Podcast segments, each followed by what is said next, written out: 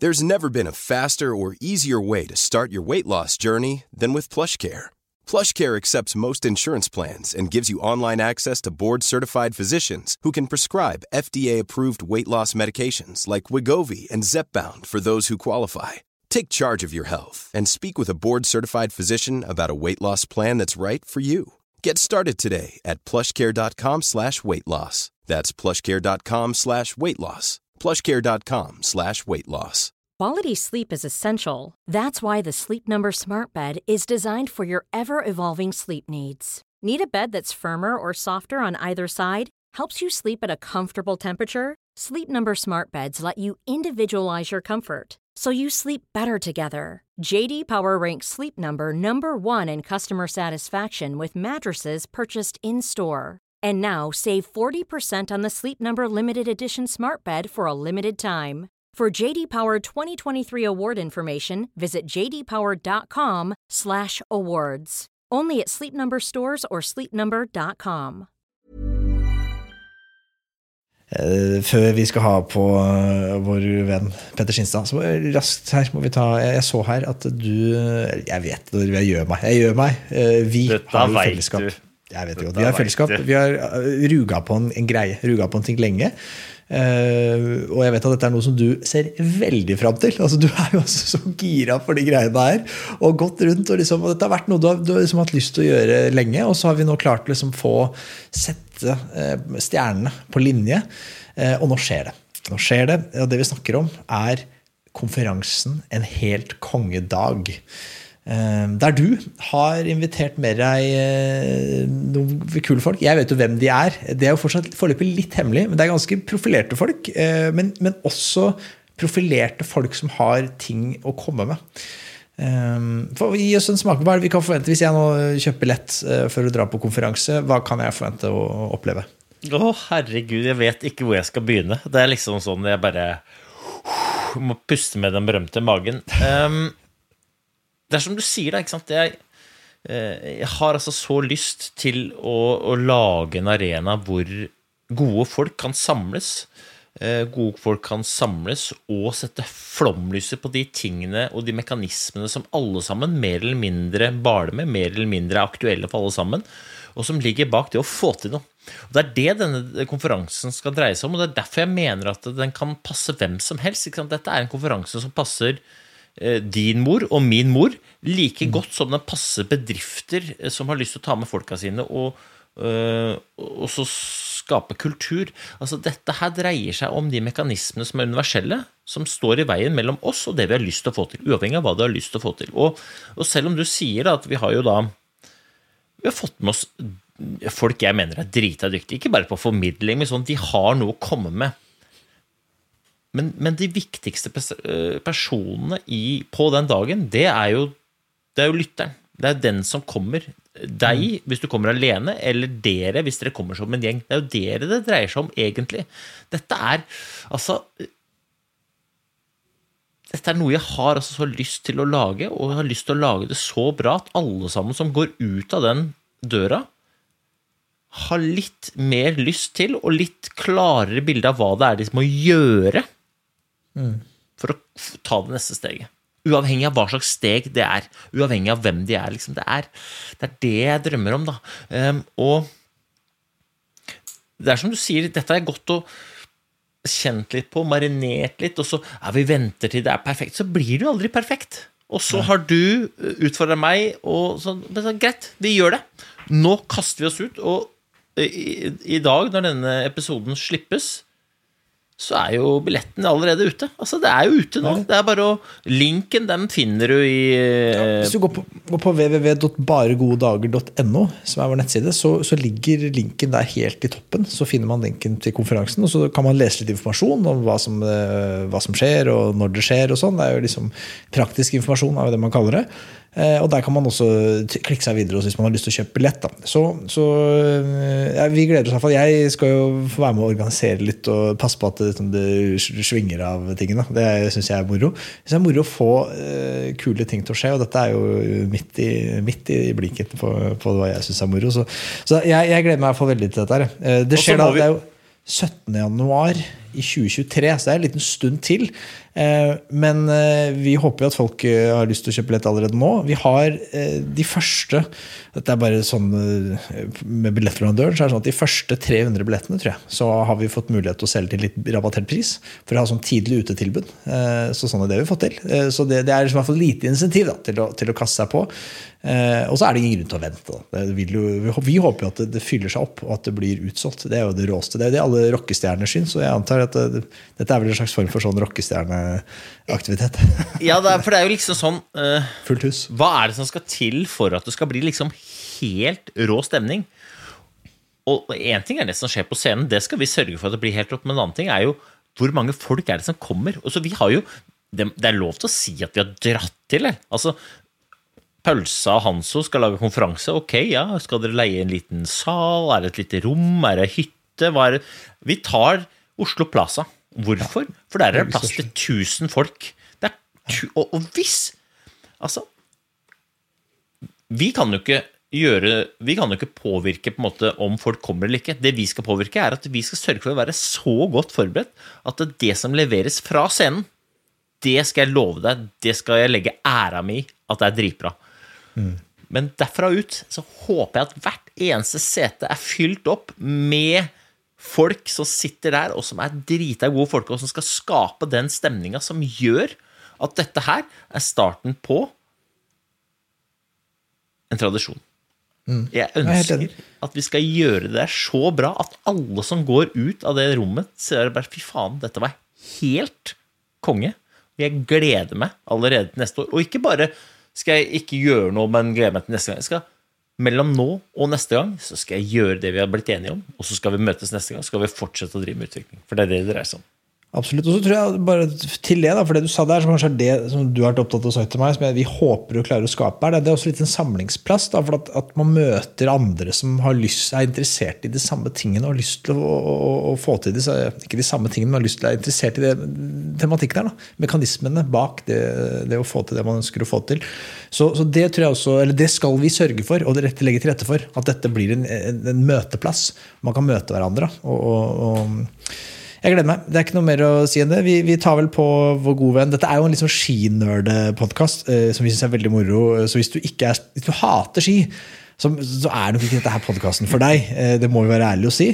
Hvis du syns ski er, er nokså interessant, så tror jeg det er ting her. Og hvis du elsker ski, ja, da er dette podden for deg. What a det er en fest. Det er glede. Dette, dette, er jo dette er en av disse podkastene som jeg, eh, jeg, setter høyest. Det er når vi har eh, storfint besøk av deg, Petter Skinstad.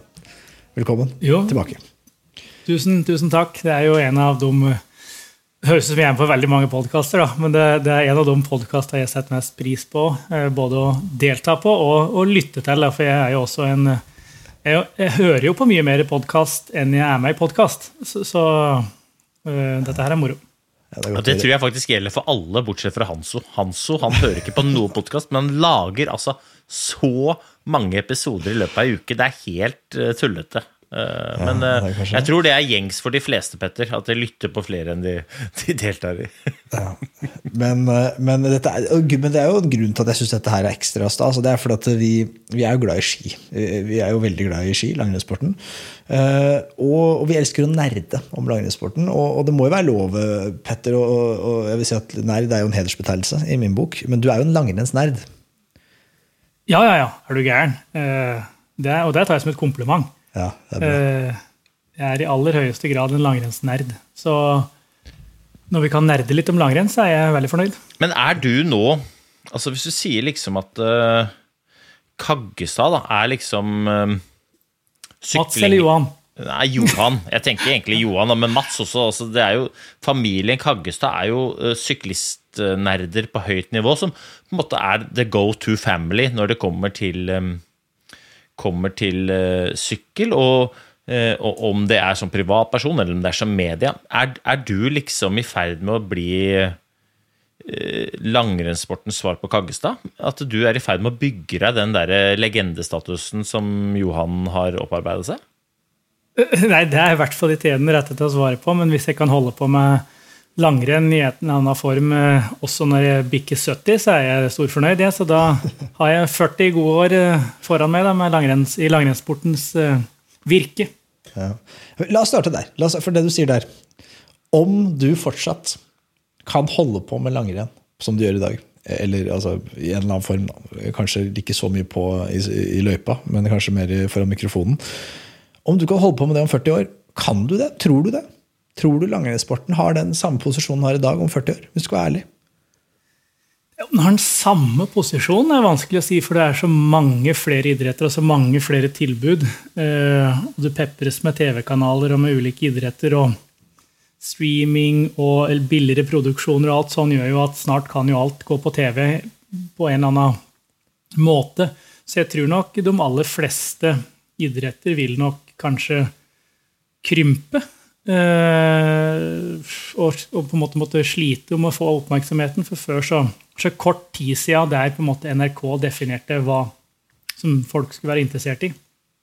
Uh, mens nå, nå, ser du etter hvert nå streames det norsk basket, norsk uh, seriehåndball, det kommer mer og mer ishockey, plutselig kommer det bandy, så kommer det volleyball, så kommer det triatlon. Og du ser det også på idrettsutøvere i Norge at det vokser fram nye miljøer her og der. så jeg tror nok jeg kan holde på med det, ja. Men det er ikke sikkert den har samme posisjon i norske samfunn som det har i dag. Men, men vil ikke de idrettene du nevner der det har stigende interesse, da? Jo, de, de, akkurat, de, de, som er bitte små, vil stige. Mens de som er store, kanskje med unntak av fotball, øh, nok vil synke synke litt. Basket er kanskje den, ja, nå, den, den ja, ja. er optimistisk. De, hadde, de, prøvde seg jo, husker dere det? Det er ikke så når det var eh, sånn BLNO var ganske Husker det? TV 2 prøvde ja, ja. seg på det greiene at nå Asker er basket Aliens og ja. i det hele tatt. Det var... Oslo, heter Oslo Kings. Ja. Ja, jeg er jo Foreldrene mine bor jo på Ammerud. Ammerud var jo helt oppe og spilte i, i på basket. da. Jo, jeg spilte faktisk basket i helga. Eller det vil Gikk i hvert fall med basketshorts. Uh, ja, det er, det, det er, det eneste jeg går med. Uh, og så hadde vi Vi spilte basket med en, en volleyball laget av plast, kjøpt uh, på et eller annet hotell i Syden, så det var ja, det sto, ifølge, ifølge mor di så sto det mellom Øystein og LeBron når du skulle døpes. Så ja. ja, men så var LeBron tatt, så da ble det Øystein. LeBron Pølsa Pettersen. Olympisk mester i langrenn. Nei, men Jeg har faktisk fått amerikansk fotballag på, på Vind. Eh, skiklubben min er Gjøvik Swans. Så det, det skjer ting i norsk idrett. Det er en maskulin gjeng. Gjøvik Swans? Nei. Ja, det er jo da Hvite svaner på Mjøsa er skipladner, ikke sant? så det er, det er noe sånn ordspill på noe sånn Gjøvik-greier der, der det er kommunevåpen og sånn. Så. Ja, ikke sant. Men svaner, er ikke de egentlig altså Livsfarlig. Ja, de er jo det. Livsfarlig. De ser søte ut, men er livsfarlige. Er det liksom Så der er det altså en gjeng eh, gærninger oppå Gjøvik som ser altså så Som totninger flest. Litt treige, litt runde i kantene, omgjengelige. Men så, hvis du pirrer dem, da da, da, da tar de det. Ja, så du skal passe deg for, eh, passe deg for den gjengen der. Altså. Ja, det gjør jeg allerede. Jeg er jo veldig sjelden på Toten av den enkle grunn at jeg er livredd folk som bor der. Ja. ok, Hvor var vi? Sorry, jeg avbrøt deg, Petter. Eh, vi snakker om langrennssportens fremtid. Og, det, og det kanskje, vi, vi har prata litt om det off, uh, off pod. At liksom, er det oss? For jeg føler, liksom, jeg, føler at jeg mista litt den derre jazz meg ikke like mye opp lenger. Eller er det, så er det meg? Eller er det det at det er en generell liksom, holdning eh, blant eh, skifans? At man kan jeg få lov til å si bare én ting før du svarer, Petter? Fordi at eh, jeg har Jeg har altså så Jeg har litt sånn vondt av dette spørsmålet, fordi at Øystein Pettersen er født og oppvokst i eh, i og rundt langrennssporten. Jeg er altså så glad i den sporten, og jeg har så lyst til at den skal være eh, å forbli og, og, og, jeg vil jo at den skal vokse også, for jeg er altså så glad i det.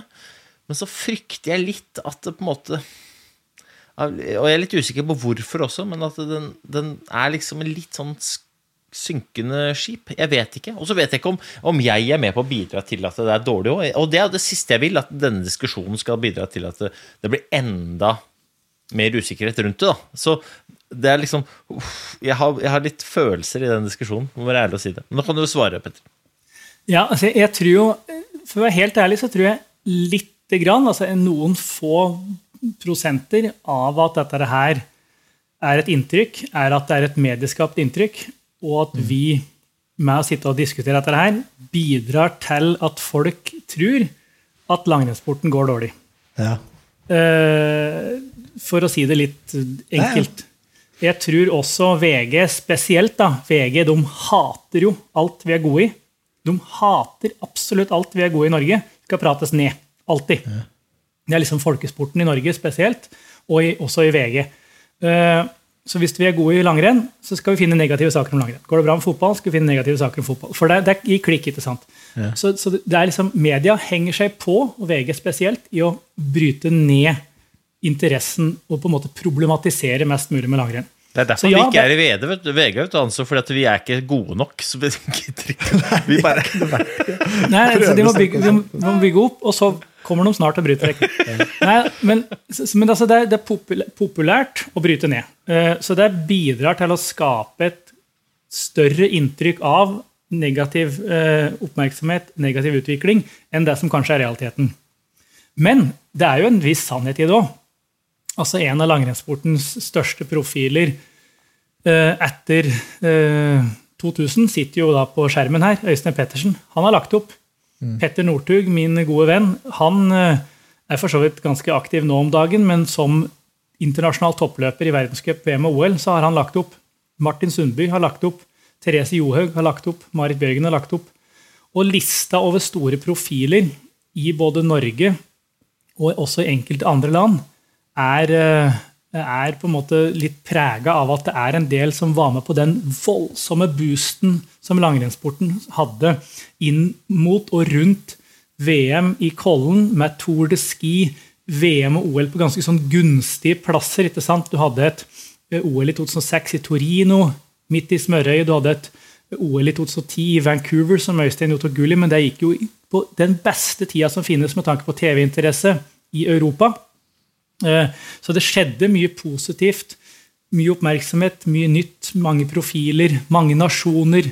Og i det hele tatt så skjedde det veldig mye positivt for en 10-15 år siden i langrennssporten.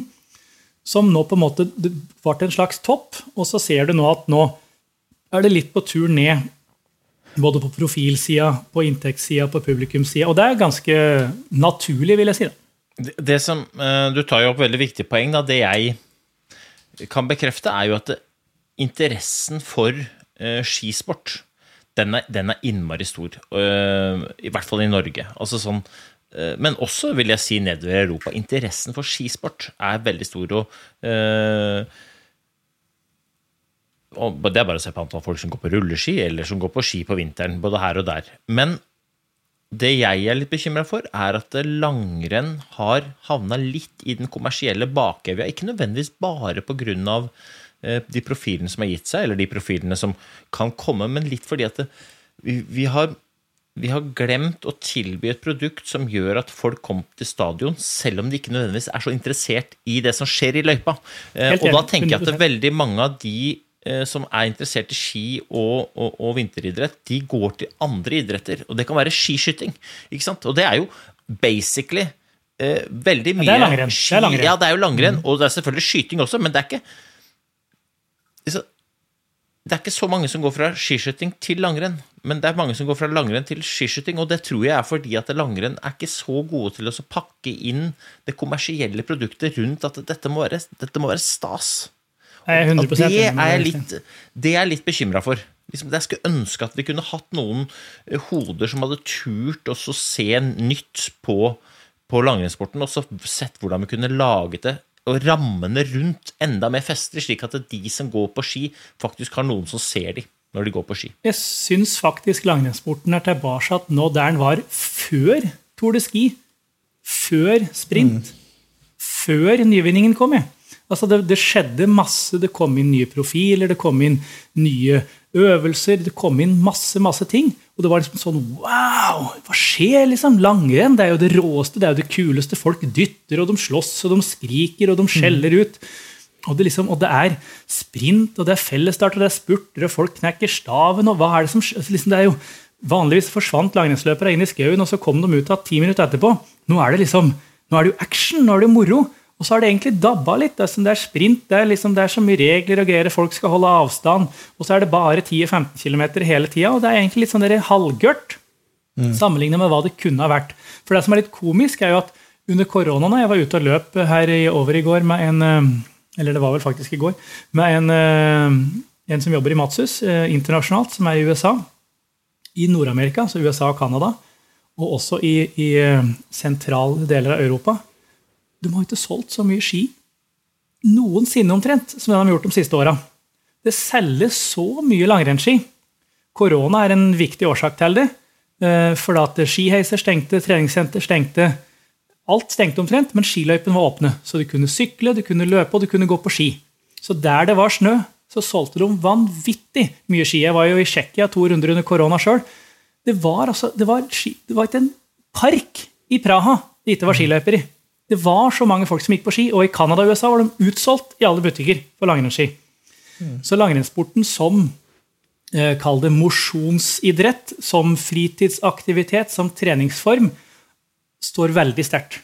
Så interessen for langrenn generelt er ganske så stor. Mye, mye, mye, mye større enn det noen i Norge omtrent er klar over. Det, er, det kryr av skiløpere i USA, og Canada, og Russland og i sentrale deler av Europa. Millioner av mennesker som går på langrennsski. Ja. Men langrenn som toppidrett, som konkurranseidrett, det er jo det vi egentlig prater om nå. Ja, ja. World Cup, Norgescup, Skandinavisk cup, det du ser på NRK, på TV 2, som jeg er med og ljuger litt om, og Nenta, eller Viaplay, Viasat, det som fattern jobber i. Mm. Det er der det er blitt litt for kjipt, og det er der folk ser på TV. ikke sant? Uh, og, det er jo der jeg har spilt inn til Ski Classics, som jeg konkurrerer i sjøl. At kom igjen, da! Nå må vi gjøre litt sjukere ting. Ja. Vi må finne på noe greier. Vi kjørte Prato Piazza Mountain Challenge. Kjempesuksess. Ja. Alle utøvere digga det. Det så rått ut på TV. Det var jo alt du er. Sitt, sant? Ja, Plutselig hadde langrennssporten noe helt nytt. Gærne folk som stake og sleit seg opp en bakke, og så kom det en svenske og rykke som besett. Og plutselig så var det noe nytt. Det var noe annet. Og det var kjempepopulært igjen. Og det er akkurat sånne der ting vi trenger. Og jeg skulle så gjerne ønske at litt, Vi rygger litt inn i framtida, langrennssporten. Vi tviholder. For, for, folk tror at det er en sånn motsetning mellom å ta vare på det gamle og være underholdende. Og det er det jo overhodet ikke. Du har jo sånn night, night, of, night of personal bests, eller night of 10,000. sånn heter det, sånn løp som er i, i, i Manchester, eller sånn, i, i sånn 10 000 meter løp med sånn 25 hit, som går i Storbritannia. Det er flomlys, og det er konsert, og det er masse som foregår. Det er løping i ring, altså. Men det er show. Det er action. Mm. Og det er akkurat dette der jeg mener. Hvorfor i all verden går ikke verdenscupsprinta på kveld med pyro og rockeartister i bakgrunnen? Hvorfor står de ikke på torget og, og kjører DJ Ötzi og har startnummerutdeling og premieutdeling og show med 100-metersprint sammen med unger og sponsorer og greier? Det er så enkle grep. da. Bare se på alpint, Sladming, Kitzbühel, disse kveldsrenna der. ikke sant? Det er action, det er konsert, det er eh, folkefest. Det er ganske sånn enkle grep en kan gjøre for at langrennssporten skal være kul igjen. Bare tenk deg for eksempel, Hvis du sammenligner langrenn med fotball. da. Eh, du kan altså ikke gå på en fotballmatch uten å bli eh, pepra løs med effekter du kan kjøpe av de spillerne som er på banen. Du, kjøper drakter, du kjøper ditten, kjøper datten. Tenk, tenk, deg hvis du hadde gjort det der på langrennsarenaen, hvor du kunne kjøpt drakta til Klæbo, kjøpt stavene til Klæbo, kjøpt skiene til Klæbo, ja. kjøpt drakta til Jesse Diggins Bare hatt, hatt, en sånn svær van fullt opp med alt av utstyr som de store profilene bruker, og de samme draktene med de samme sponsorene. Jeg er helt sikker på at sponsorene til og med vil betalt for det. Ja, ja, ja, hva, hvis du går på sport Hvis du går på et skirenn eh, og skal handle noe, så får du kjøpt deg appelsiner, og du får kjøpt deg toddy, og du får kjøpt deg en kopp kaffe. Og det er helt supert, det, liksom. Det er ikke noe gærent i det. Men det blir ikke så mye etterspørsel etter de, de tingene som vi kunne ha skapt kommersiell interesse rundt. Altså, faderen, De store spillerovergangene de blir jo finansiert i løpet av uh, to, to to timer i en bu utafor de store stadionene. ikke sant? Det er jo vips, ja, ja. er det drakter for milliarder. Det rare, det rare jeg skulle til å si at, For det er jo ikke Gjermund Eggen vi skal se på, men det komiske er jo at Gjermund Eggen ga jo ut CD! Ole Ellefsæter ga ut CD. Jeg har jo grammofonplate, LP, med Ole Ellefsæter. Det. Altså, så, ja, så klart har jeg det. Altså, jeg kjøpte jo på auksjon. Jeg måtte jo ha det. Eh, men altså, saken er at de var jo popstjerner, rockestjerner før òg. Så dette her er jo ikke noe nytt. Men vi trenger ikke å gjøre sporten vi elsker, kjipere enn den er. Altså, for, for det, det, dette handler jo om pakketering, ikke sant? Sporten kan være akkurat den samme. Jo, du kan kanskje ha litt råere svinger, litt mer sånn eh, høyde inn i noen svinger i Davos, der du bygger yttersvingen litt høyere, så du får litt mer action og litt mindre kukete sving inn på oppløpet der. Og du kan kanskje bruke litt alpinanlegg, og du kan kanskje ta og lage litt annerledes løyper. Altså, men pakka kan jo være den samme. Femmila kan jo være fem mil. 15 km kan jo være 15 km. Sprinten kan jo fortsatt være sprint. Så det vil være de samme tinga du skal trene på, de samme arbeidskravene. Men du må jo gå an å pakke den litt mer sexy. Få på noen røde sløyfer. Tenk deg hvis du hadde hatt eh, U2, Bruce Springsteen eller noen andre som hadde hatt konsert liksom midt i eh, på stadion i Holmenkollen. Nå er jo for så vidt Holmenkollen et sted hvor det er mye folk, da, men bare, bare, bare for som en idé. Ja, men hadde ikke blitt færre der med U2, tipper jeg. Hadde ikke det. Nei, det hadde ikke det. og Eller Matoma, da, for den sak, hvis vi skal være litt mer realistiske. Men Ik- ikke sant, ja, det var et dårlig eksempel. Det var gamle, det var gamle folk, og de kommer langt Staysman, unna fra. Men ja, han er klar. si at det, For da, da skaper de jo liv, ikke sant? Ja. Og det kan, da kan de gå rundt scenen til Golden Circle. blir jo helt, Det er der, de, det er der Heidi Weng går, det, med mindre hun går feil. Så går hun rett forbi scenen, og det er god S, så får de drikke av Staysman som hun ikke burde ta, og så tar hun den, og så går hun i hvert fall feil på neste runde. Men så blir hun blid, og så blir det et godt intervju, og så skaper vi litt lid. Og Jeg tror at eh, langrennssporten er tjent med å tørre å se litt ut av klassisksporet sitt, og så se på er det mulig å gjøre ting litt fetere. Hvem har ansvaret? Fordi at Hva sa du? Hvem har, hvem har ansvaret? Nå snakker vi om liksom, at vi, vi, vi klager litt her. Også, men, men, Det er jo en blanding av, eh, en blanding av FIS, da. eh, Nasjonale Skiforbund, og TV. da. Hvorfor er det sånn? Jeg nekter å tro at TV står i veien for å lage et mer underholdende produkt. Så det, det, det, sånn, de, de, jeg, tror ikke, jeg, tror kan, jeg tror det er vanskelig å holde de ansvarlig. Eh, eller, eller kan jo være, men i så fall så er det, er det snodig.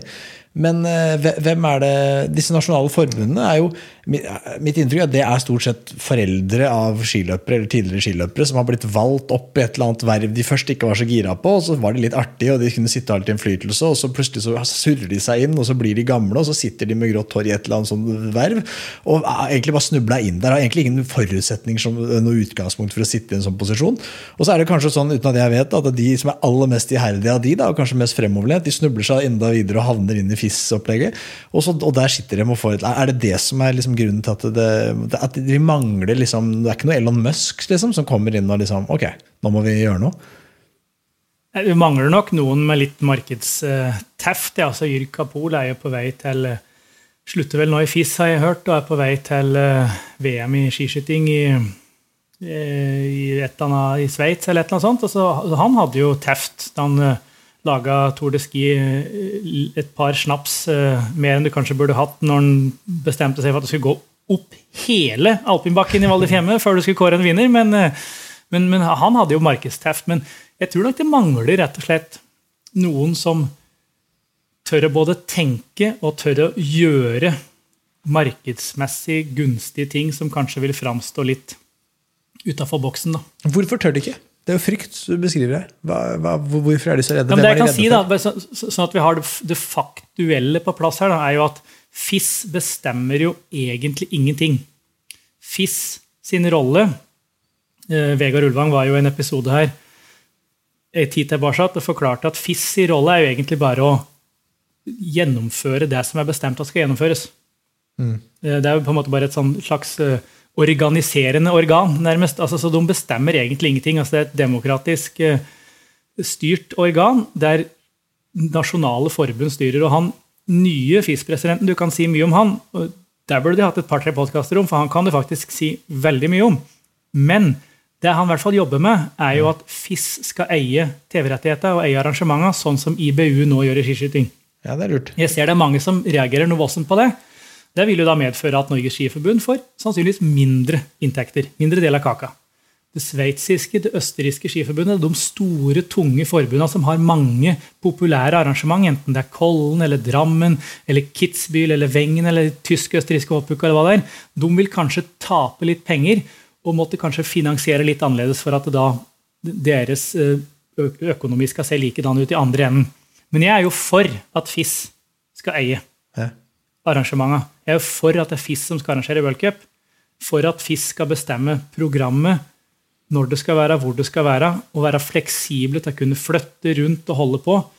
Eh, og forhåpentlig, Det forutsetter jo da at de også ivaretar eh, sportens beste, da, med tanke på både å ivareta sporten, men også det markedsmessige. da. Ja.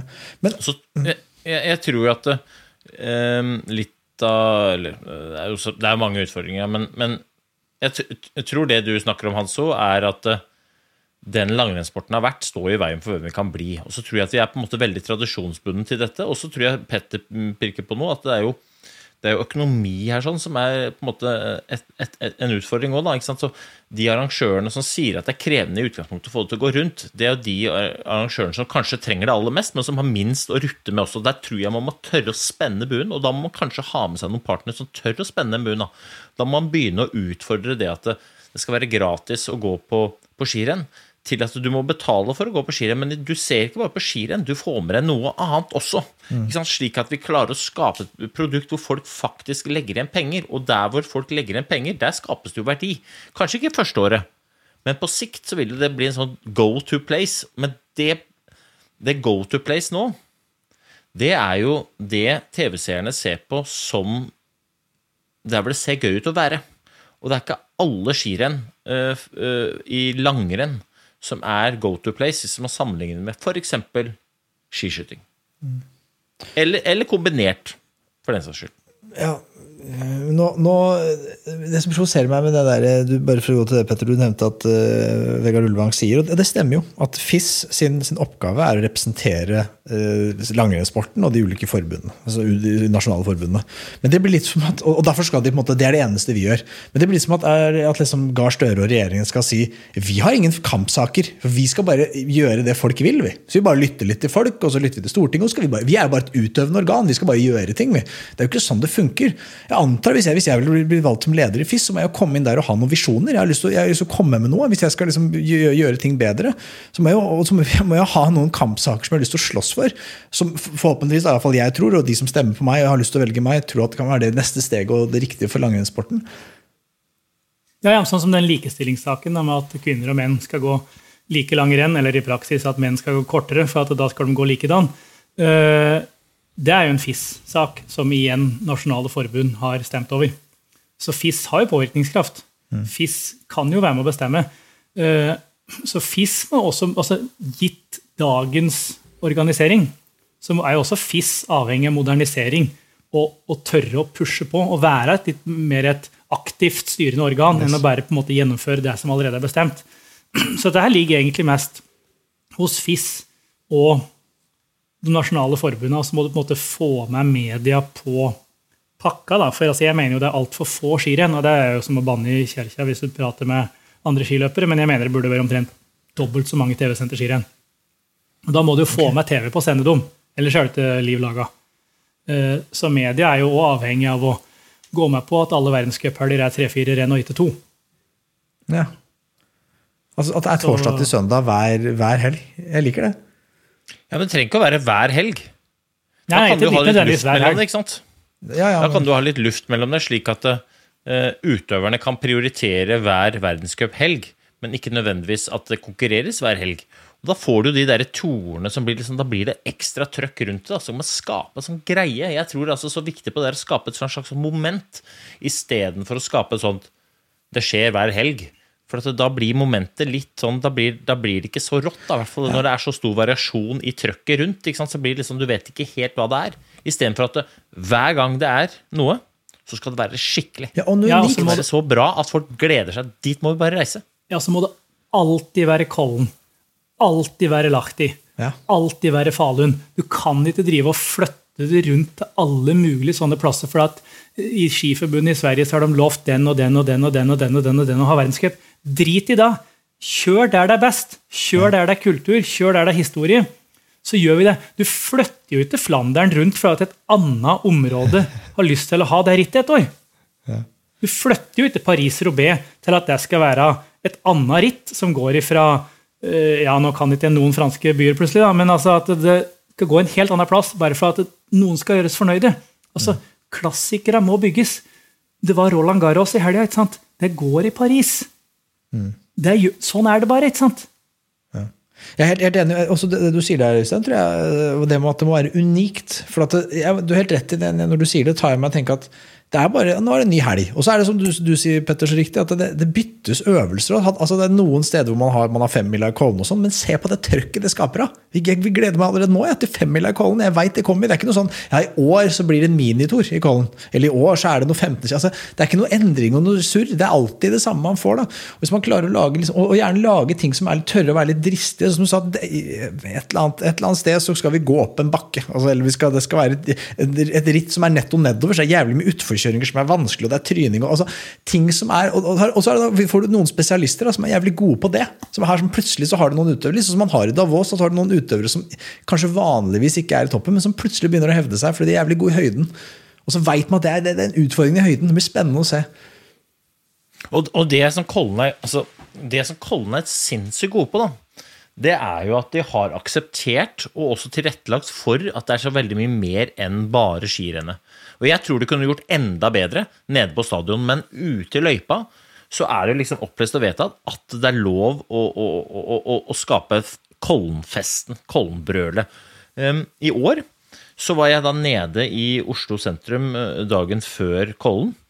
Uh, og så uh, på morgenen, den dagen det var uh, skirenn, så jogga jeg meg en tur grytidlig på morgenen. Da traff jeg ungdom som jeg på ganske lang avstand så at dette var ikke langrennsfans.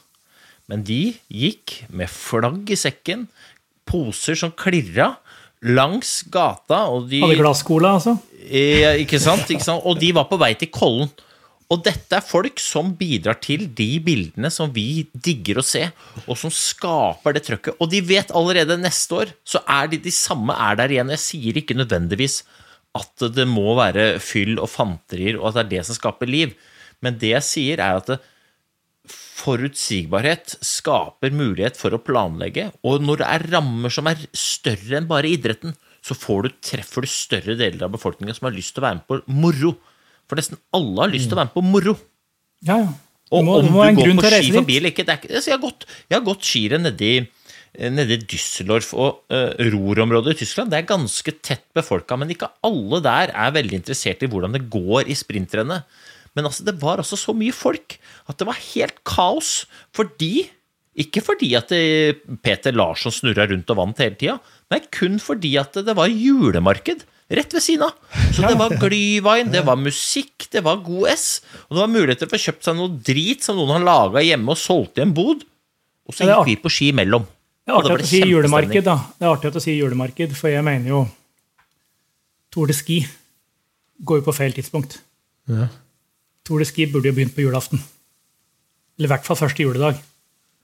Ja, eller kanskje, Jo, men kanskje Boxing Day i før. fotball. Ja, Ja, ja, kanskje, kanskje, kanskje før jul. Helga før jul. Hvorfor skal du begynne så Altså, seint? Ja, altså det, men nå, nå er alle folk ferdige med ferie. Nå, er folk, nå har ikke folk mulighet til å se på TV lenger. Da starter vi Tour de Ski. Det er en kjempeidé. Det- Og det er ikke det verste. Det verste er at Vet du hvorfor jeg ikke så på finalen i Tour de Ski etter Solningkinstad? Jo, jeg skal fortelle deg det. For da satt jeg på vei hjem fra jobb sammen med alle andre som hadde lyst til å se på Tour de Ski. Men det var liksom Finalen i Tour de Ski var på en hverdag. Gikk på en tirsdag, tre. firetida. Ja, ja, det var liksom, ja.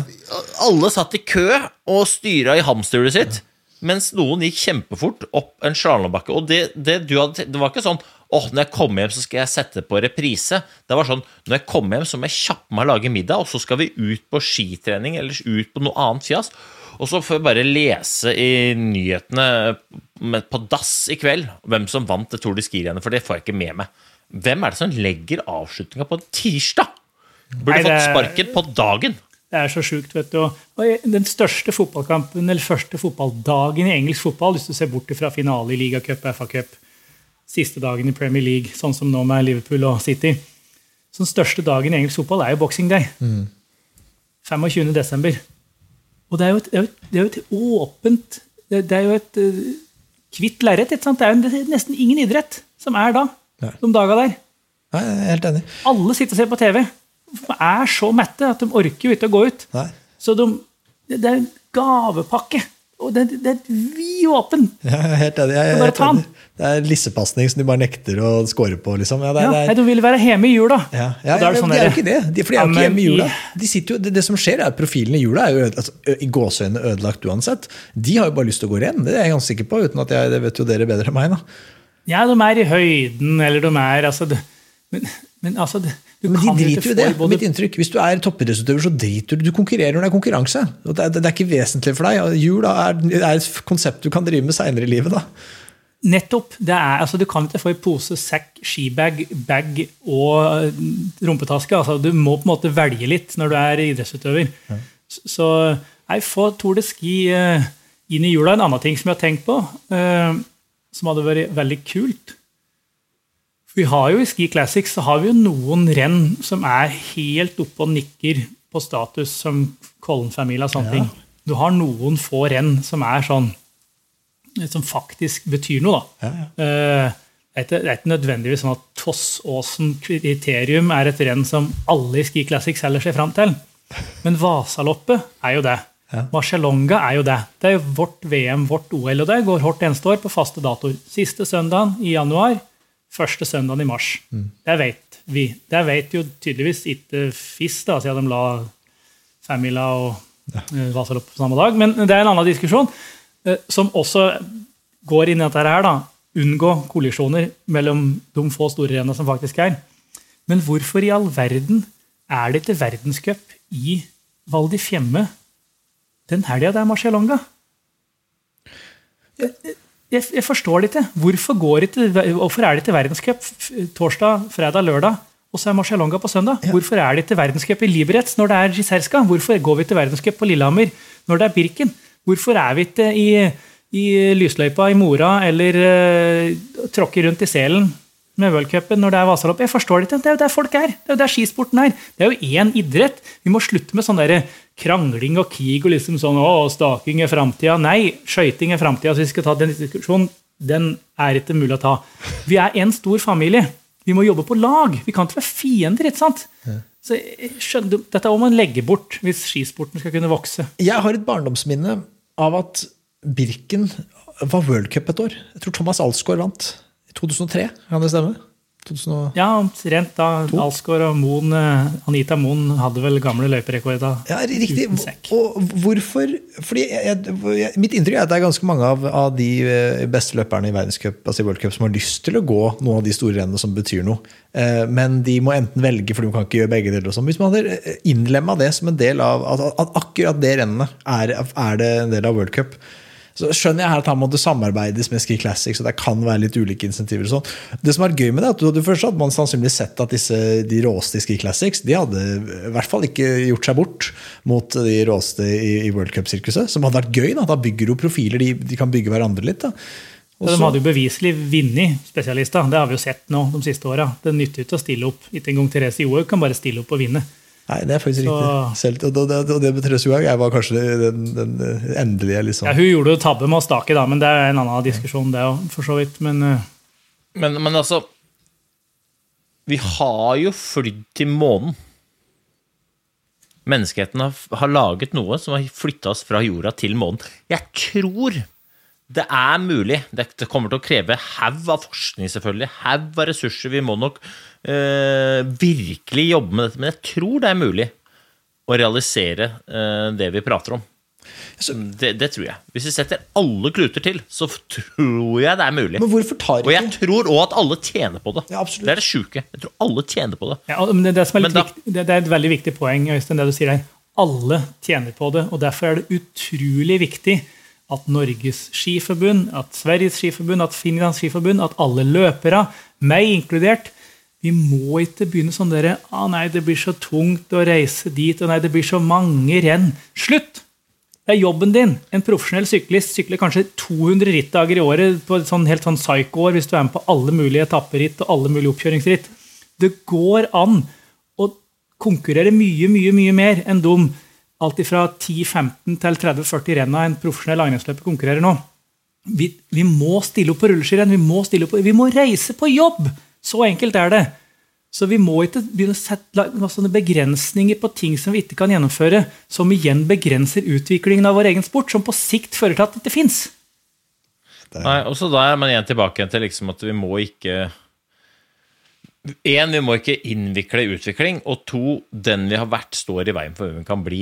For nå er det sånn at nei, Ski Classics det er noe nytt, og det er sånn Det er ikke oss, og vi er de her, vi, og det er sånn vi gjør det, og vi ja. holder på med dette. Og så er man liksom i gang, så har man litt sånn steile fronter, og så er det jo noen talspersoner der sånn som egentlig bare er der for å kaste litt uh, bensin hit og dit. Og så, pff, ah, jeg er helt enig med deg, Petter. Jeg tror, jeg tror faktisk at det der hadde vært uh, Jeg, jeg tror, jeg, I fullt alvor så mener jeg at det der er både løsningen på utfordringa vi står i, men også muligheten vi har til å bli enda større.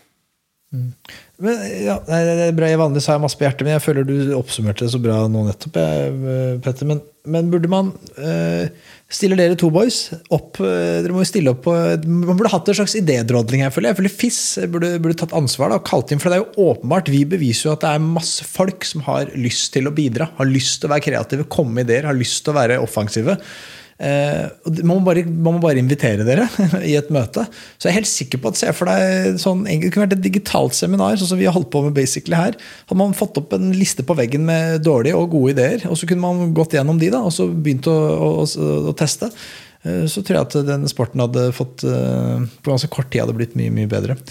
Så, så, må vi håpe at det Vegard Ulvang sa, da, som kan være riktig, liksom, hvis du går tilbake til start her med profiler, og alt, så, så sa han bare at dette går i bølger. Dette kommer til å ordne seg. Det, det, følte jeg var litt hans liksom, Han hvilte litt på det. Da, da hadde han lave skuldre. Og det var liksom en, og litt, det syns uh, pappa Skinstad, altså Åge også, var litt innpå at dette, dette har han sett før. Han har levd et langt liv, han har vært i sporten lenge. og Han har sett når det var, han husker sist gang det var liksom lavkonjunktur i, i langrennssporten. og nei, var ikke, ikke bekymre dere for mye. Det kommer noen nye profiler. Det kommer en ny Northug. Liksom, det kommer en ny Det er det det kommer. Og, så, og jeg syns det er litt defensivt, da, men kanskje de har rett. Jeg vet ikke. Vi går jo rundt med gensere Hans, hvor det står 'lag en god dag' på. Og i det så uh, ligger det jo eierskap til å faktisk lage dagen sånn som du vil at den skal være. da. Og jeg tenker at det, akkurat det samme må være med skisporten. Altså, vi må lage en, en strøken skisport, ikke gå rundt og håpe på at ting snur seg, eller at dette har vi sett. Vi må lage det, og det, og det verste er at jeg tror det blir akkurat sånn som vi lager det også. Så hvis vi lager det ræva, så blir det ræva. Hvis vi lager det helt King Kong, så kommer det til å bli helt King Kong. Og øh, jeg bidrar gjerne. Eh, men ikke aleine. Og jeg tror ikke noen kan fikse det aleine, men dette må vi gjøre sammen. Og ring meg når som helst, skal jeg faen meg gå Vasaloppet igjen, yes, og gjerne mot noen stjerner. De skal få mose meg ned i støvlene, men da må ikke halvparten være i Kollen, og halvparten være der, og halvparten være der og hvile. Og da må vi møtes. Det har bursdag i morgen, vet du. Har du bursdag i morgen? Nei! Jeg hadde bursdag i går, hvis podkasten ble lagt ut. Ja! Hadde du bursdag i går?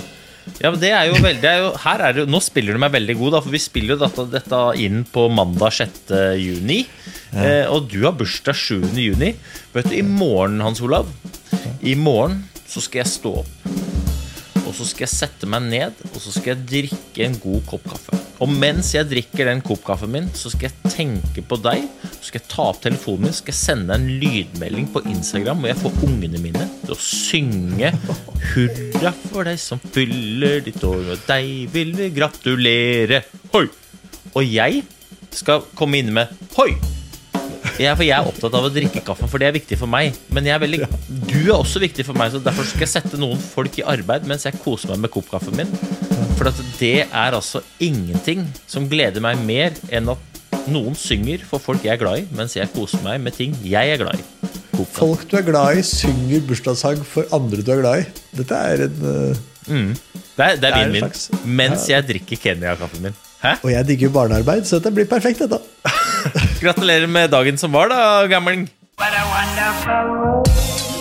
Ok, vi må, gå, vi må, snakke litt til om hva som skjer. Nå har vi snakka veldig mye om, om at, vi, at, vi, frykter for langrennssport og fremtid, men at vi egentlig tror at det ikke er noen grunn til å frykte, så lenge vi liksom tar ballen i hendene våre og, og, og, og løper med den. Men, men det, det, det, hvis man går litt ned på det lavpraktiske Det, skjer ting i langrennssporten. Petter, du, liksom, du er, har liksom fingeren på pulsen. Altså derfor er det ekstra gøy å stille deg alle disse spørsmålene. som Vi, vi ser liksom overskrifter her og der. Og jeg har lyst til liksom, La oss bare dra rett til Sverige. Rett til Sverige. Eh, vi hadde jo besøk av Lars Jung her sist uke. Han var jo liksom litt uh, forsiktig uh, for det ved å liksom dele. Jeg tror han hadde satt på mer info enn det han fortalte oss. Men Frida Karlsson, Maja Dahlqvist og, og Linn Svan ute av landslag. Uh, hva foregår? Jeg må jo først si det at Lars Jung, altså som da Første gang jeg møtte han, så gikk han da med begge overarma teipa fast til overkroppen for å stake kun med underarma rundt i rullesløypa i Meråker. For å få maks tricepspump. Han har blitt, da har han blitt litt kjipere altså hvis han er forsiktig nå, for han var ikke så forsiktig før. Ja. Så han går tydeligvis noen sånn landslagsskole, han òg, som på en måte pusser ned litt røffe kanter der. Men nei, Lars Jung, kjempefyr. Eh, jeg tror ikke han er grunnen til at noen har gått ut. Jeg tror Linn Svan har gått ut av den enkle årsak at hun har en eh, helsesituasjon som, der hun ser at det blir best på kort sikt eh, hvis jeg får styre og ordne sjøl. Mm. Jeg kan ikke belaste mer enn jeg kan. Jeg må være forsiktig, jeg må ha tunga rett i munnen. Jeg har et godt apparat rundt meg i Østersund med Ola Raval, eh, som er treneren hennes, som også er eh, assistent, nei, unnskyld, rekruttrener i skiskyting i Sverige, som jo også har base i Østersund. Så, så, hun på en måte føler det er trygt og godt. Så hun, vi må holde hun litt på sida av de to andre her. Mm. De to andre der, Det er også trening. Eh, ut ifra de rapportene jeg har fått, så går det på trening. Det går på at de ønsker å gjennomføre sitt opplegg øh, i størst mulig grad uten innvirkning av landslaget. Og det er en dametrener i Sverige som uh, ikke alle er så veldig fornøyd med, for å si det sånn. Okay. Uh, så Frida hun ønsker å bruke Per Nilsson, som nå er ansatt som tysk landslagstrener, som sin private trening. Og jeg tror nok nå som hun har flytta til Østersund, så vil nok hun og Linn Svan faktisk samarbeide en del. Dele litt på trenerressursene i Raval og Nilsson, og kjøre et lite sånn lite team der, da. Maja Dahlqvist hun holder vel til i Falun-området. Har også lyst til å trene der hun har tro på, eh, som ikke nødvendigvis er det samme som de gjør på landslagssamling. Har vel òg en amerikansk kjæreste som heter Kevin Bolger, om jeg ikke tar feil. Mm. som sikkert gjør at hun har lyst til å trene litt og være litt i USA. Tilbringe litt mer tid med han, som vanskeliggjør det å være på samling hele tida. For den landslagsmodellen både i Norge og Sverige er jo tufta på altså, treningssamlinga, da, som kanskje ikke uh, passer alle eh, like godt. Så jeg tror, sjøl om mange nok har lyst til at det skal handle om en landslagsavtale, om økonomi, om sponsorer Det er helt sikkert noen gnisninger der òg.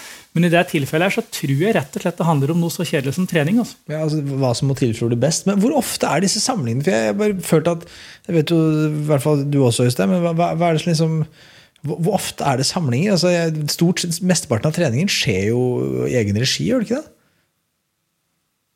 Ja, det er jo samling ca. ei uke hver uh, måned. Da, så intensiveres det utover høsten. Og så er det sånne sponsoroppdrag og sånne aktiviteter, og sånn, så du er på en måte landslagsløper rimelig kontinuerlig gjennom hele året. Altså Juli er vel den eneste må måneden der du står fritt til å gjøre til og med hva du vil. Da. Okay. Ja, og så handler det jo mer om I og med at sporten profesjonaliseres, og om at nivået blir høyere og utøverne blir enda mer nøye på å få på måte, kvalitet i hver eneste dag, da Eh, så, eh, så er vel en trend at det blir færre, kanskje, eh, samlingsdøgn vekk fra der hvor de bor, men kanskje flere kvalitetsøkter på stedet der hvor de bor. Og det tror jeg er liksom noe som utfordrer gårsdagens modell. At, at, de beste utøverne de søker til prestasjonsmiljøer rundt stedet der hvor de bor. Og da blir de ikke så avhengig av å kunne reise. For i reise så ligger jo en del sånn styr. For det første så er det tid. For det andre så er det jo eh, dårlig restitusjon. For det tredje så er det jo muligheten til å bli sjuk. Er det noe disse utøverne er livredde for, så er det å bli sjuk på tur. For der, der treffer du hvem som helst på, som sitter ved siden av deg på flyet, og de kan være, de kan være forkjøla eller det kan være det ene eller andre. Um, så det, det, er, det, er, en litt sånn risiko ved det. Altså, det er en sånn de har lyst til å minimere risikoen. Lyst til å overlate minst mulig til tilfeldighetene for å bli best mulig på ski. Så jeg tror veldig mye av grunnen ligger rundt det, da, sentrert rundt hva jeg må gjøre for å bli best i forhold til det jeg har lyst til å få til. Mm. Ja, jeg har jo tidligere i podkasten tatt deg høyde for en sånn eh, Kall det regional treningsmodell, der folk trener i større grad der de bor. Mm. Eh, på tvers av både A-lag, rekruttlag, juniorlag, som vi har i dag. Eh, sånn som da Øystein vokste opp, da, så fantes det vel ingen rulleskiløyper i Oslo-området. Eh, nærmeste var kanskje på Gjøvik, eh, der vi har hatt rulleskiløyper ganske lenge. Eh, så jeg bare ser rundt omkring i Norge nå, det er vel en 80-90 rulleskiløyper bare i Norge. Sikkert masse nye, fine anlegg. Jeg ser det popper opp på Instagrammen til ulike svenske løpere som er på hjemmebane og viser at nå har det blitt rulleskiløype her òg. Samme i Finland. Og det er kunstsnøanlegg, og det på en måte graves og ordnes, sånn at du kan ha lengre skisesong både her og der, og det kommer skitunneler hit og dit. Og så, så langrennssporten i dag det er mye mer lagt til rette vet du, for å være hjemme. Før så måtte du bort for å få gått på ski. Før så måtte du kanskje bort for å få gått på rulleski og rulleskiløype. Eh, så jeg mener at det fins bare to grunner egentlig til å reise på samling nå lenger. Eller tre. da. Det ene er miljøskiftet, naturligvis. Det andre er høyde, eh, som du jo nesten må reise til hvis du ikke bor høyt. Og det tredje er jo snø. da. Eh, og utover de tre tinga der så ser ikke jeg noen grunn til at uh, verken norske eller andre langrennsløpere skal reise på samling, så fremt en da ikke har samlinger knytta til og rundt rulleskirenna, som jeg mener er og blir en veldig, veldig viktig del av sporten vår. Ja. Jeg vil ikke gå inn på den rulleskigreia der, men det, burde burde kanskje vært kommersialisert den sommer, sommersesongen da, for å få et lengre sesong. For det er jo en kjensgjerning at liksom, vintersesongen blir jo ikke lenger og lenger med åra. Så man er nødt til liksom, å gjøre et eller annet for å tenke utenfor boksen kanskje der òg. Men jeg, jeg, vil snakke om eh, Ingvild Flugstad Østberget. Uh, hun er jo liksom sånn, Man er litt forsiktig med å snakke om henne. Også. Men altså, vi må huske at det er jo liksom en uh, juvel av en dame liksom, som har prestert liksom, på det aller aller høyeste. Var kanskje verdens beste skiløper i den sesongen der når, når Therese Johaug var ute. Og, og, jeg vil våge å påstå og fortsatt mene at hvis hun finner liksom tilbake i balanse, eller hva vet man kaller dette, hvis hun finner tilbake en form og har mulighet til å konkurrere, så er hun kanskje vårt beste bet. da, Sammen med Heidi Weng, nå som Therese Johaug er borte. Men, men har, dere, har, har du troa, Petter? På det opplegget her? Når kommer hun tilbake? Jeg håper det.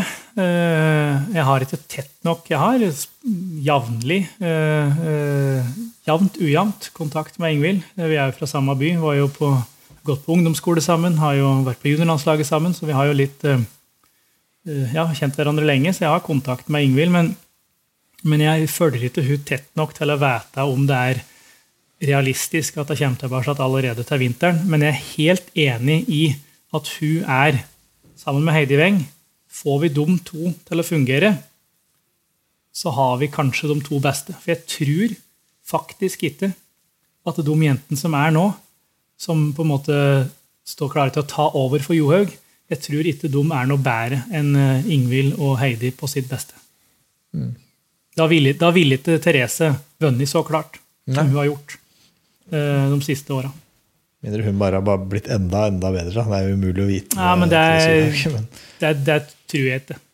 Det er ingenting som tyder på det hvis du ser på avstand til herrer. eller eh, altså De kan alltid si at disse testene blir sånn og sånn bedre, men jeg, jeg klarer ikke helt å se at Therese Johaug har blitt så vanvittig mye bedre de siste par åra enn det var jeg er faktisk usikker på om jeg var så mye bedre på slutten av karrieren nå enn jeg egentlig var i 2016, altså rett før jeg røyk på den utestengelsen. For da var jeg på pallen i Tour de Ski i sprinter der og, og vant totalt overlegent. altså Trutte Marit Bjørgen hadde blitt tidenes vinterolympier hvis ikke Therese Johaug hadde brukt eh, feil leppekrem i Livini, i hvert fall.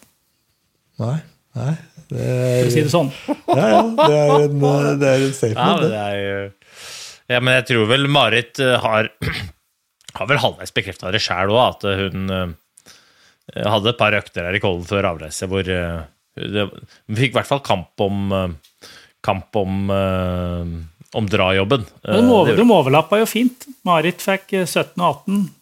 Therese tok resten. Ja. Og så kan de ri inn i solnedgangen med sliten hester som må bære alle seg medaljer. ja, det er riktig. Det er riktig. Altså, hvis man går litt på de norske, på, på gutta nå, hvis man ser litt fram mot ny sesong, da. Så, så men på slutten av sesongen nå så så vi liksom uh, mye gøy. Martin Løvstrøm Nyenge, som måtte, jeg sikkert også har skrevet ut av manntallet, vært litt rask i leppa, liksom. Men han viser jo bare på tampen her at han er jo verdens beste, han. Når han, uh, ting klaffer. Hva, er, er, tror du har han liksom var det et blaffer, liksom? Eller har han skjønt noe nå? Han, nå har han skjønt greia. At når vi kommer til ny sesong, så skal vi bare se opp. Noe innmari opp for Martin Løvstrøm Nyenge. Martin Løvstrøm Nyenge har jo holdt et vanvittig høyt nivå på sine beste dager veldig, veldig lenge. da. Eh, nå var det på en måte mer sånn at nå klarte han å få det ut da det gjaldt som mest. mest. Et par flere anledninger. Det var ganske kort tidsrom. Eh, og da men altså, han, er ikke, han er ikke så Han er født i sånn 91-92, så han er sånn uh, røftlig 30 år. Han er jo liksom i den gullalderen, da. Uh, og det er jo ingen grunn til at ikke han skal kunne fungere optimalt en sesong til. Jeg tipper han har knekt noen koder og funnet litt sånn sin måte å trene på og, og sin plass i laget og sånne ting. Og så uh, ser jeg ingen grunn til at ikke han skal være med å kjempe helt oppe der. Men vi snakker jo fortsatt om Han var jo da ikke i OL-troppen allikevel. Jeg vet det. Det er så sjukt. Eh, så, så, det er på en måte litt av et landslag vi har det det. Uh, i Norge. Så det er vanskelig å peke på hvem av dem som blir best. Altså, det, er, det er vill gjetting. Ja, men Så kommer det jo flere òg, for på, på herresiden her så, så, Vi har jo måte Akkurat i OL altså, var man kanskje ikke liksom så uh, overlegent best uh, som lag, men, men, sånn jevnt over uh, Og hvis man ser de siste sesongene, så har vi liksom det desidert beste landslaget. Og det er tilnærmet umulig å komme seg inn på det, for at de som er på landslaget, de er så forbaska gode, da, og de leverer gang på gang på gang. Men så har vi den der unge generasjonen. Du har sånn der, ja, står navnet stille for meg. Hva heter han der som gjorde det så innmari bra i den femmila i NM? Han som, uh, Andreas Fjorden Ree. Riktig. og Holund kommer i mål. Det er, Holund er en nydelig mann. Han kommer og så sier han, jeg håper han Han, han sto og heia på han uh, Fjorden Ree som var ute i, i løypa. Og så var han der um, helt stille for meg, han som gjorde det så bra på Beito. Martin Kirkebø Mørk, Lars Agnar Hjelmeset. Ja, de, ja, begge de, men han Håvard Moseby. Ja, Moseby. Moseby. Som også er liksom helt der oppe da, når han får sjansen. Også, altså det, det liksom, kan vi liksom se flere som altså, Jeg føler at det aldri har vært så mange som har banka så innmari på døra og vært oppe der og meldt seg innimellom landslagsutøverne. Litt usikker på om han gamle Team Manpower-løperen der er enig i at det aldri har vært så mange som banker på døra. Men, eh, men det er i hvert fall, problemet nå er at de får jo ikke gå. Nei, nettopp. Nei, det der er jo veldig Altså, det her er jo øh, luksusproblem, men det er jo, selv om det er luksus, så er det jo et problem. Øh, både for Norge, men også for de løperne, og for trenerne. Bare spør øh, Nossum og Monsen. De har, øh, de har sitt å stri med de hver de skal ta ut noen. Men det har alltid vært ganske stor bredde i Norge. Det er feil av meg å si at, at at det var like stort før som, som nå. Men jeg, i hvert fall, det har alltid vært veldig mange som banker der sånn. Men når jeg eh, vokste opp, du, når dinosaurene gikk rundt på jorda, da, da, var det sånn at Norge kunne stille med borti 20 løpere i Drammen. Sånn er det ikke lenger. Og det betyr jo, og kvotene blir bare mindre og mindre, og mindre, så blir færre og færre løpere fra Norge ut i verdenscup. Og det er et problem. Det er halvparten så mange som får gå i Drammen, og det er ti pluss to. Ti løpere pluss to U23-løpere som får gå i Drammen og Kollen nå da Øystein, og for så vidt da jeg kom opp i seniorklassa mm. Det er jo et under at ikke jeg klarte å få gå verdenscup med så mange plasser, men det sier jo mer om meg enn om mye annet. Da. Men my, litt, litt, uflaks der, men uh, alle fikk gå, bortsett fra meg. Nei, men uh, saken er det at før så var det jo ti i nasjonal kvote. Uh, du hadde en åtte løpere i verdenscupkvote, og så hadde du World Cup-leder, skandinavisk cup-leder, og så var det sånn distansecupledere, og så var det topp tre i skandinavisk cup. og sånne ting. Så i, på et tidspunkt så var det en 3-24 nordmenn som kunne stille på start i Drammen og Kollen. Og når det er redusert til 10 pluss 2, mm. eh, så sier det seg sjøl at den, det er så trangt, den nåløyet. Mm. Og i verdenscupen ute så er det altså seks. Eh, så det er Og dette der Skal disse løperne her kunne ta steg? Så er det, er det to ting de er avhengig av. Én, du må få gå verdenscup. Og da kan ikke norske landslagsløpere bruke verdenscup som trening. Da må de bare gå når de er fit for fight. Da kan ikke, la oss si, Sjur Røthe bruke Tour de Ski til å gå seg i form. Jeg sier ikke at han gjør det, altså han vant sistebakken og var på pallen i et annet renn, så han gjorde ikke det. Men si Sjur Røthe. Hvis han har en dårlig start på sesongen, da må Sjur Røthe gå norgescup og skandinavisk cup. Og vise at han er i form til å gå verdenscup. Mens Håvard Moseby må gå verdenscup. Ellers så kommer han aldri, aldri til å bli bedre. Mm. Og det, på andre sida, du må trene med landslaget. Du må få gjennomføre kvalitetsøkter ofte nok med landslaget til å se åssen de går.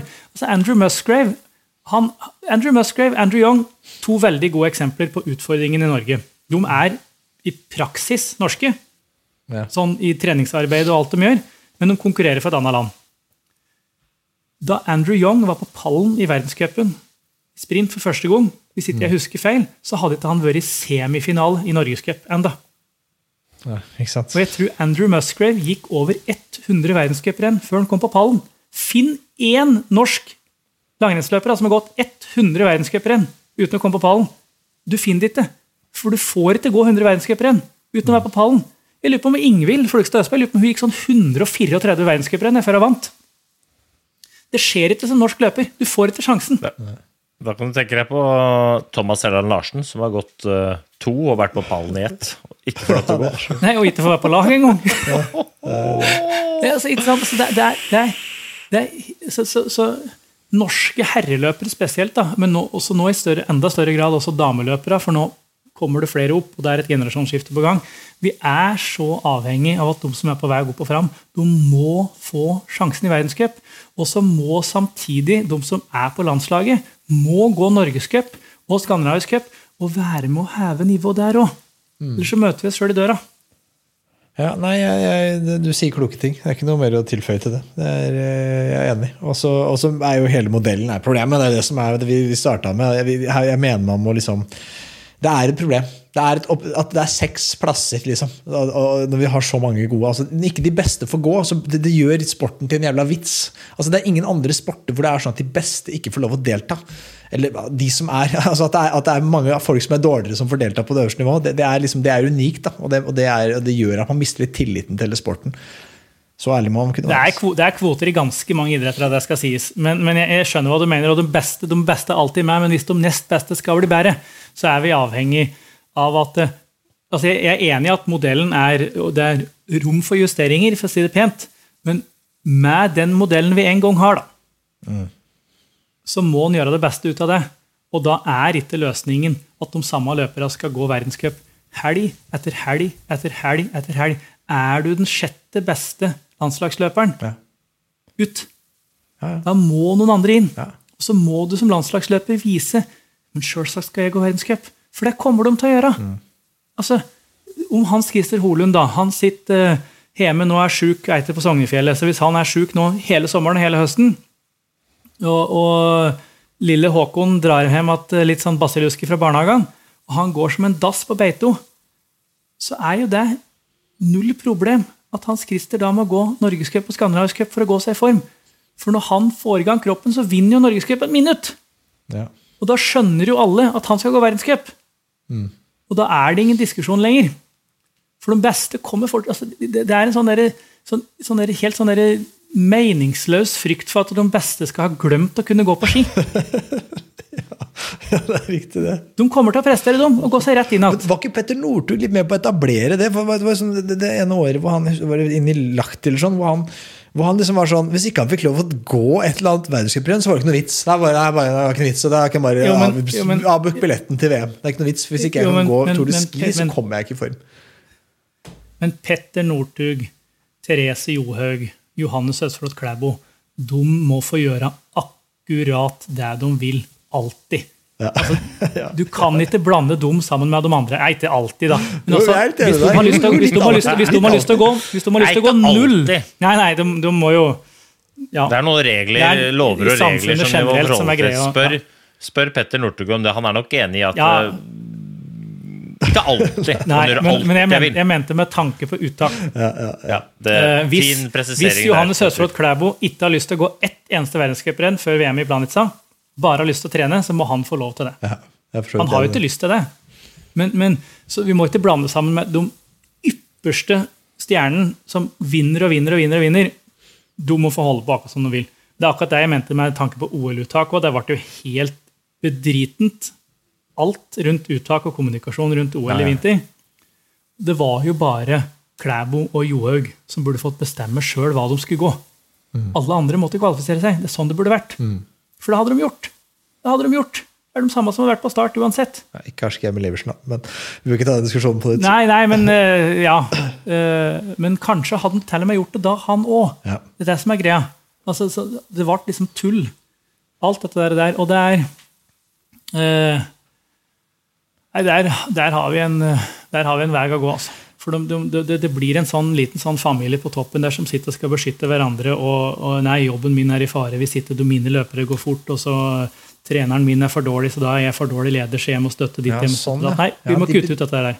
Ja, det er, det det dette er forfengelighet. At det er en frykt for å se dum ut og se dårlig ut selv. Så det vil si at Trenerne og de, de som har ansvar for uttakene, de er egentlig mest de er redde for å se dumme ut selv. og Derfor tar de ikke nødvendigvis ut de som er best kvalifisert. De tar ut de som de gjør det som må til for at de skal se minst dumme ut, på et vis. da. Altså, skjønner det du er- hva er jo jeg vil til her? At det er et- et element av det? altså, det, er det, er tren, det er jo trenere som setter opp et forslag til et uttak, og så er det øvre ledelsen som skal godkjenne det uttaket. Og så har du en langrennskomité på toppen av det som skal godkjenne uttaket til uttaket, på en måte, eh, til landslag og sånne ting. Og de har jo vist seg tilliten verdig. Så jeg er faktisk litt enig i det forslaget til Ola Quisle og gjengen om at du skal ha en uttakskomité. Tydelige uttakskriterier og en uttakskomité som eh, sørger for at alle stemmer blir hørt. Du kan ha folk fra A-lag, rekruttlag, regionlag, privatlag og kretser i en uttakskomité som sammen sørger for at det er det rette uttaket til enhver tid. For nå er det jo nå, vi har sesonginformasjoner, så står det skal du gå sånn og sånn, så må du gå fort der og der. Men nå følger jo ikke det. De har sånn vikarierende argumentasjon som de tilpasser. Nei, da teller ikke det. Nei, da teller ikke det. Vi ser på der enn. Og, og, og sånn går det ikke an å holde på. De viser seg ikke tilliten verdig til å ivareta norsk langrenns beste. Det, det er så bra. Du, du, du snakker i overskrifter, og de er så enkelt. Det er så enkelt å fatte med deg, Petter. Det er, det er veldig greit. Det, Jeg er litt, litt engasjert. ja, det kjempe, jeg elsker det. Jeg elsker Det Det gir meg altså så mye glede på denne spotten her. Før vi lar deg gå og slippe, så må vi være innom et, et punkt til her på lista her. Det, det er utlendingene. Eh, vi, vi snakker veldig om nordmenn og Norge. Vi er litt inne på Sverige, for der ligger liksom hjertene våre nærmest. Men, liksom skal langrennssporten liksom, tilbake til det vi startet med, skal langrennssporten leve og lenge, så, så er vi avhengig av profiler i utlandet òg. Hvem, hvem er det vi kan klamre oss til? Liksom, når Russland, Hva skjer der? Eh, For, tror du Russland får delta? Liksom? Eh, Jeg antar at Du kan ikke spå krigens utfall, kanskje. Det er kanskje litt for mye å forlange. men Nei, da må du ringe noen andre i TV 2, holdt jeg på å si. Men, eh, men eh, jeg håper ikke vi får se russere på start til vinteren. Jeg håper på ingen måte at vi får se russere på start. Jeg håper at eh, straffen straffens varighet må være mye lenger enn krigen.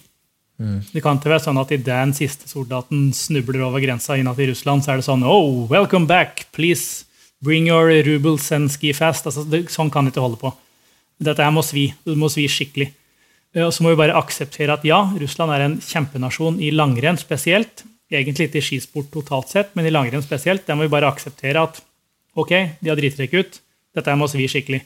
Men eh, ja, hvis det skjærer seg nå i løpet av sommerferien, og Putin skjønner at han har dumma seg ut, så jeg blir ikke overraska om Bolsjunov og co. er på start i Ruka i det hele tatt. Eh, jeg tror ikke de er eh, mer prinsippfaste enn som så i FIS heller. Så du ser jo alle disse internasjonale forbundene, enten det er FIS eller Fifa eller IOC. altså Det er eh, penga som rår, så jeg blir ikke overraska om eh, russere er tilbake, men jeg ønsker dem på ingen måte velkommen tilbake. Der er jo fiss, altså All annen handling fiss driver med, så virker det for meg som at penga ikke nødvendigvis rår. da. Så det kan jo være det positive her. At fiss er de som klarer Ja, å holde dette, dette lengst. Men Men, eh, men når det er sagt, da, så skjer det jo veldig, veldig mye spennende i mange andre land. ja, Eh, For de som er spesielt interesserte og finkjemmer resultatlister ikke bare fra U23 og junior-VM, men også er inne og ser litt sånn Noram Cup og Alpen Ja, Cup. og uh, eh, litt Jo, sånn type også- cuper. Uh, Juno-VM og sånn, så har det vært Fortell litt om det her. Sorry, jeg, av, jeg avbryter deg mens du, mens du sier det jeg har lyst til å høre. Få det på. Dette er kjempeinteressant. Ja, altså greia, det, er, det ikke sånn at Norge vinner alt, alt uh, i junior og U23. På ingen måte. Uh, og det har vi ikke gjort over en lengre periode. altså eh, Fram til cirka, altså fram til den generasjonen med Ragnhild Haga, eh, Martine Eck Hagen, Heidi Weng, altså 91-jenten. Ja. Eh, fra Astrid Jacobsen, 87-modell, til 91-modeller, så vant Norge helt sånn usaklig mye medaljer. i junior-VM på damesida. Etter det så har det vært mye mer variert. Eh, og det ser du jo også i dameklassa. Altså, så det er på en måte ei spådd utvikling. Ja, ja. Så, så du trengte ikke å være rakettforsker for å skjønne at Norges dominans kom til å gå over, og at vi gjorde en for dårlig jobb med etterveksten, for det så du på resultatlisten. Ja, ja. Eh, og det samme ser en jo eh, til en viss grad også i herreklassa, at det er mye mer variasjon, og det har det vært lenge. Du ser USA tok jo to junior-VM-gull i stafett på rappen, ene året med eh, Canada på andreplass. Så det skjer veldig mye spennende i Nord-Amerika.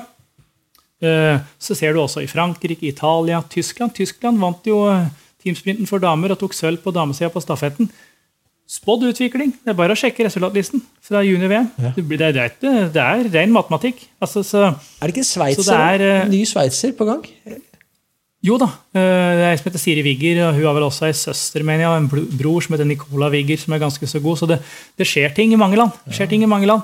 Så, så eh, jeg tror jeg tror det kan bli ganske spennende altså, i verdenscupen framover. Utfordringa sånn, er vel egentlig at det, særlig på herresida i Norge da, og, og også i Russland, da, at de har et sånn helt sånn vanvittig nivå. altså Det er så vanvittig mange som trener så mye at det er eh, ganske krevende å, å matche det. Der må nok eh, utlendinga opp på en måte et hakk eller to, altså på både volum og eh, seriøsitet. Altså det er fortsatt litt for mange som har det som jobb, og ikke jobb og passion. Ja.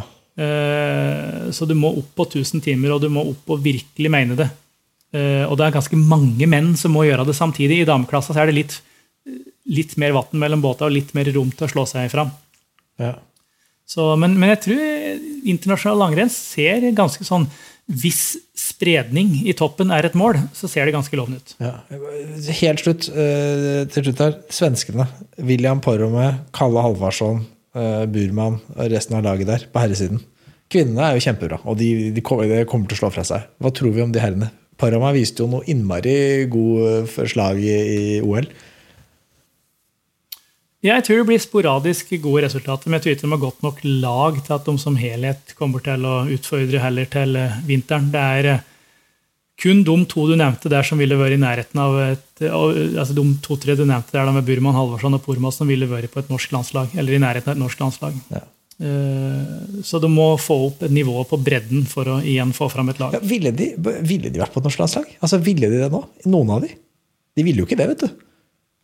Nei, de hadde jo ikke det, men de kunne vært i nærheten av det. For, du må, sånn, hvor langt tilbake i tid skal du ta det? da? Altså på en måte, de, av deres på toppnivå nå er jo så gode at de ville kvalifisert til landslag, men hadde de kommet dit Nettopp. Det blir en annen uten å få gå over World Cup. Ja. Dette er så spennende. Vi kunne holdt på. Du må bare komme tilbake. Det er jo sånn det er. Det er, det er alltid mange folk også. Setter pris på når vi har Petter Skinstad på besøk. Så du, du er en fan favorite, så det setter vi pris på. Så blir du invitert igjen. Du må i hvert fall prøve å få til før skisesongen virkelig begynner. Eh, Så må vi gjøre en lignende episode som dette. Med litt ny info, litt ny kunnskap. Kanskje du har noe juicy news til oss, du da, Petter. Du får jo ringe oss hvis du har noe info om hva som skjer med dine du holder jo litt på i Ski Classics, og du skal jo liksom holde på, så vi er jo nysgjerrige. Vi heier på deg. Jeg reiser, reiser til Sognefjell i morgen og skal se Bjervik øve igjen, det, så det blir action, dette her. Ja, det er veldig bra. det er veldig bra. Kanskje, kanskje til og med lagkamerater hans òg? Hvem vet? Hvem vet? Hvem vet? Vi, folkens, vi tar og snakkes, da.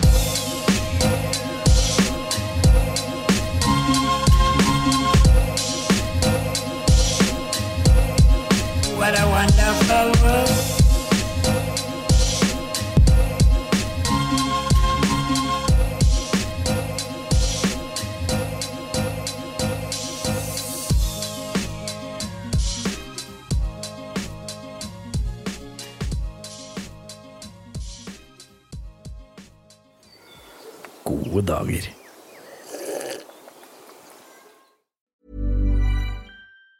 Planning for your next trip? Elevate your travel style with Quince. Quince has all the jet setting essentials you'll want for your next getaway, like European linen, premium luggage options, buttery soft Italian leather bags, and so much more. And it's all priced at 50 to 80% less than similar brands. Plus, Quince only works with factories that use safe and ethical manufacturing practices. Pack your bags with high-quality essentials you'll be wearing for vacations to come with Quince. Go to quince.com slash trip for free shipping and 365-day returns. Hey, it's Paige DeSorbo from Giggly Squad. High quality fashion without the price tag. Say hello to Quince.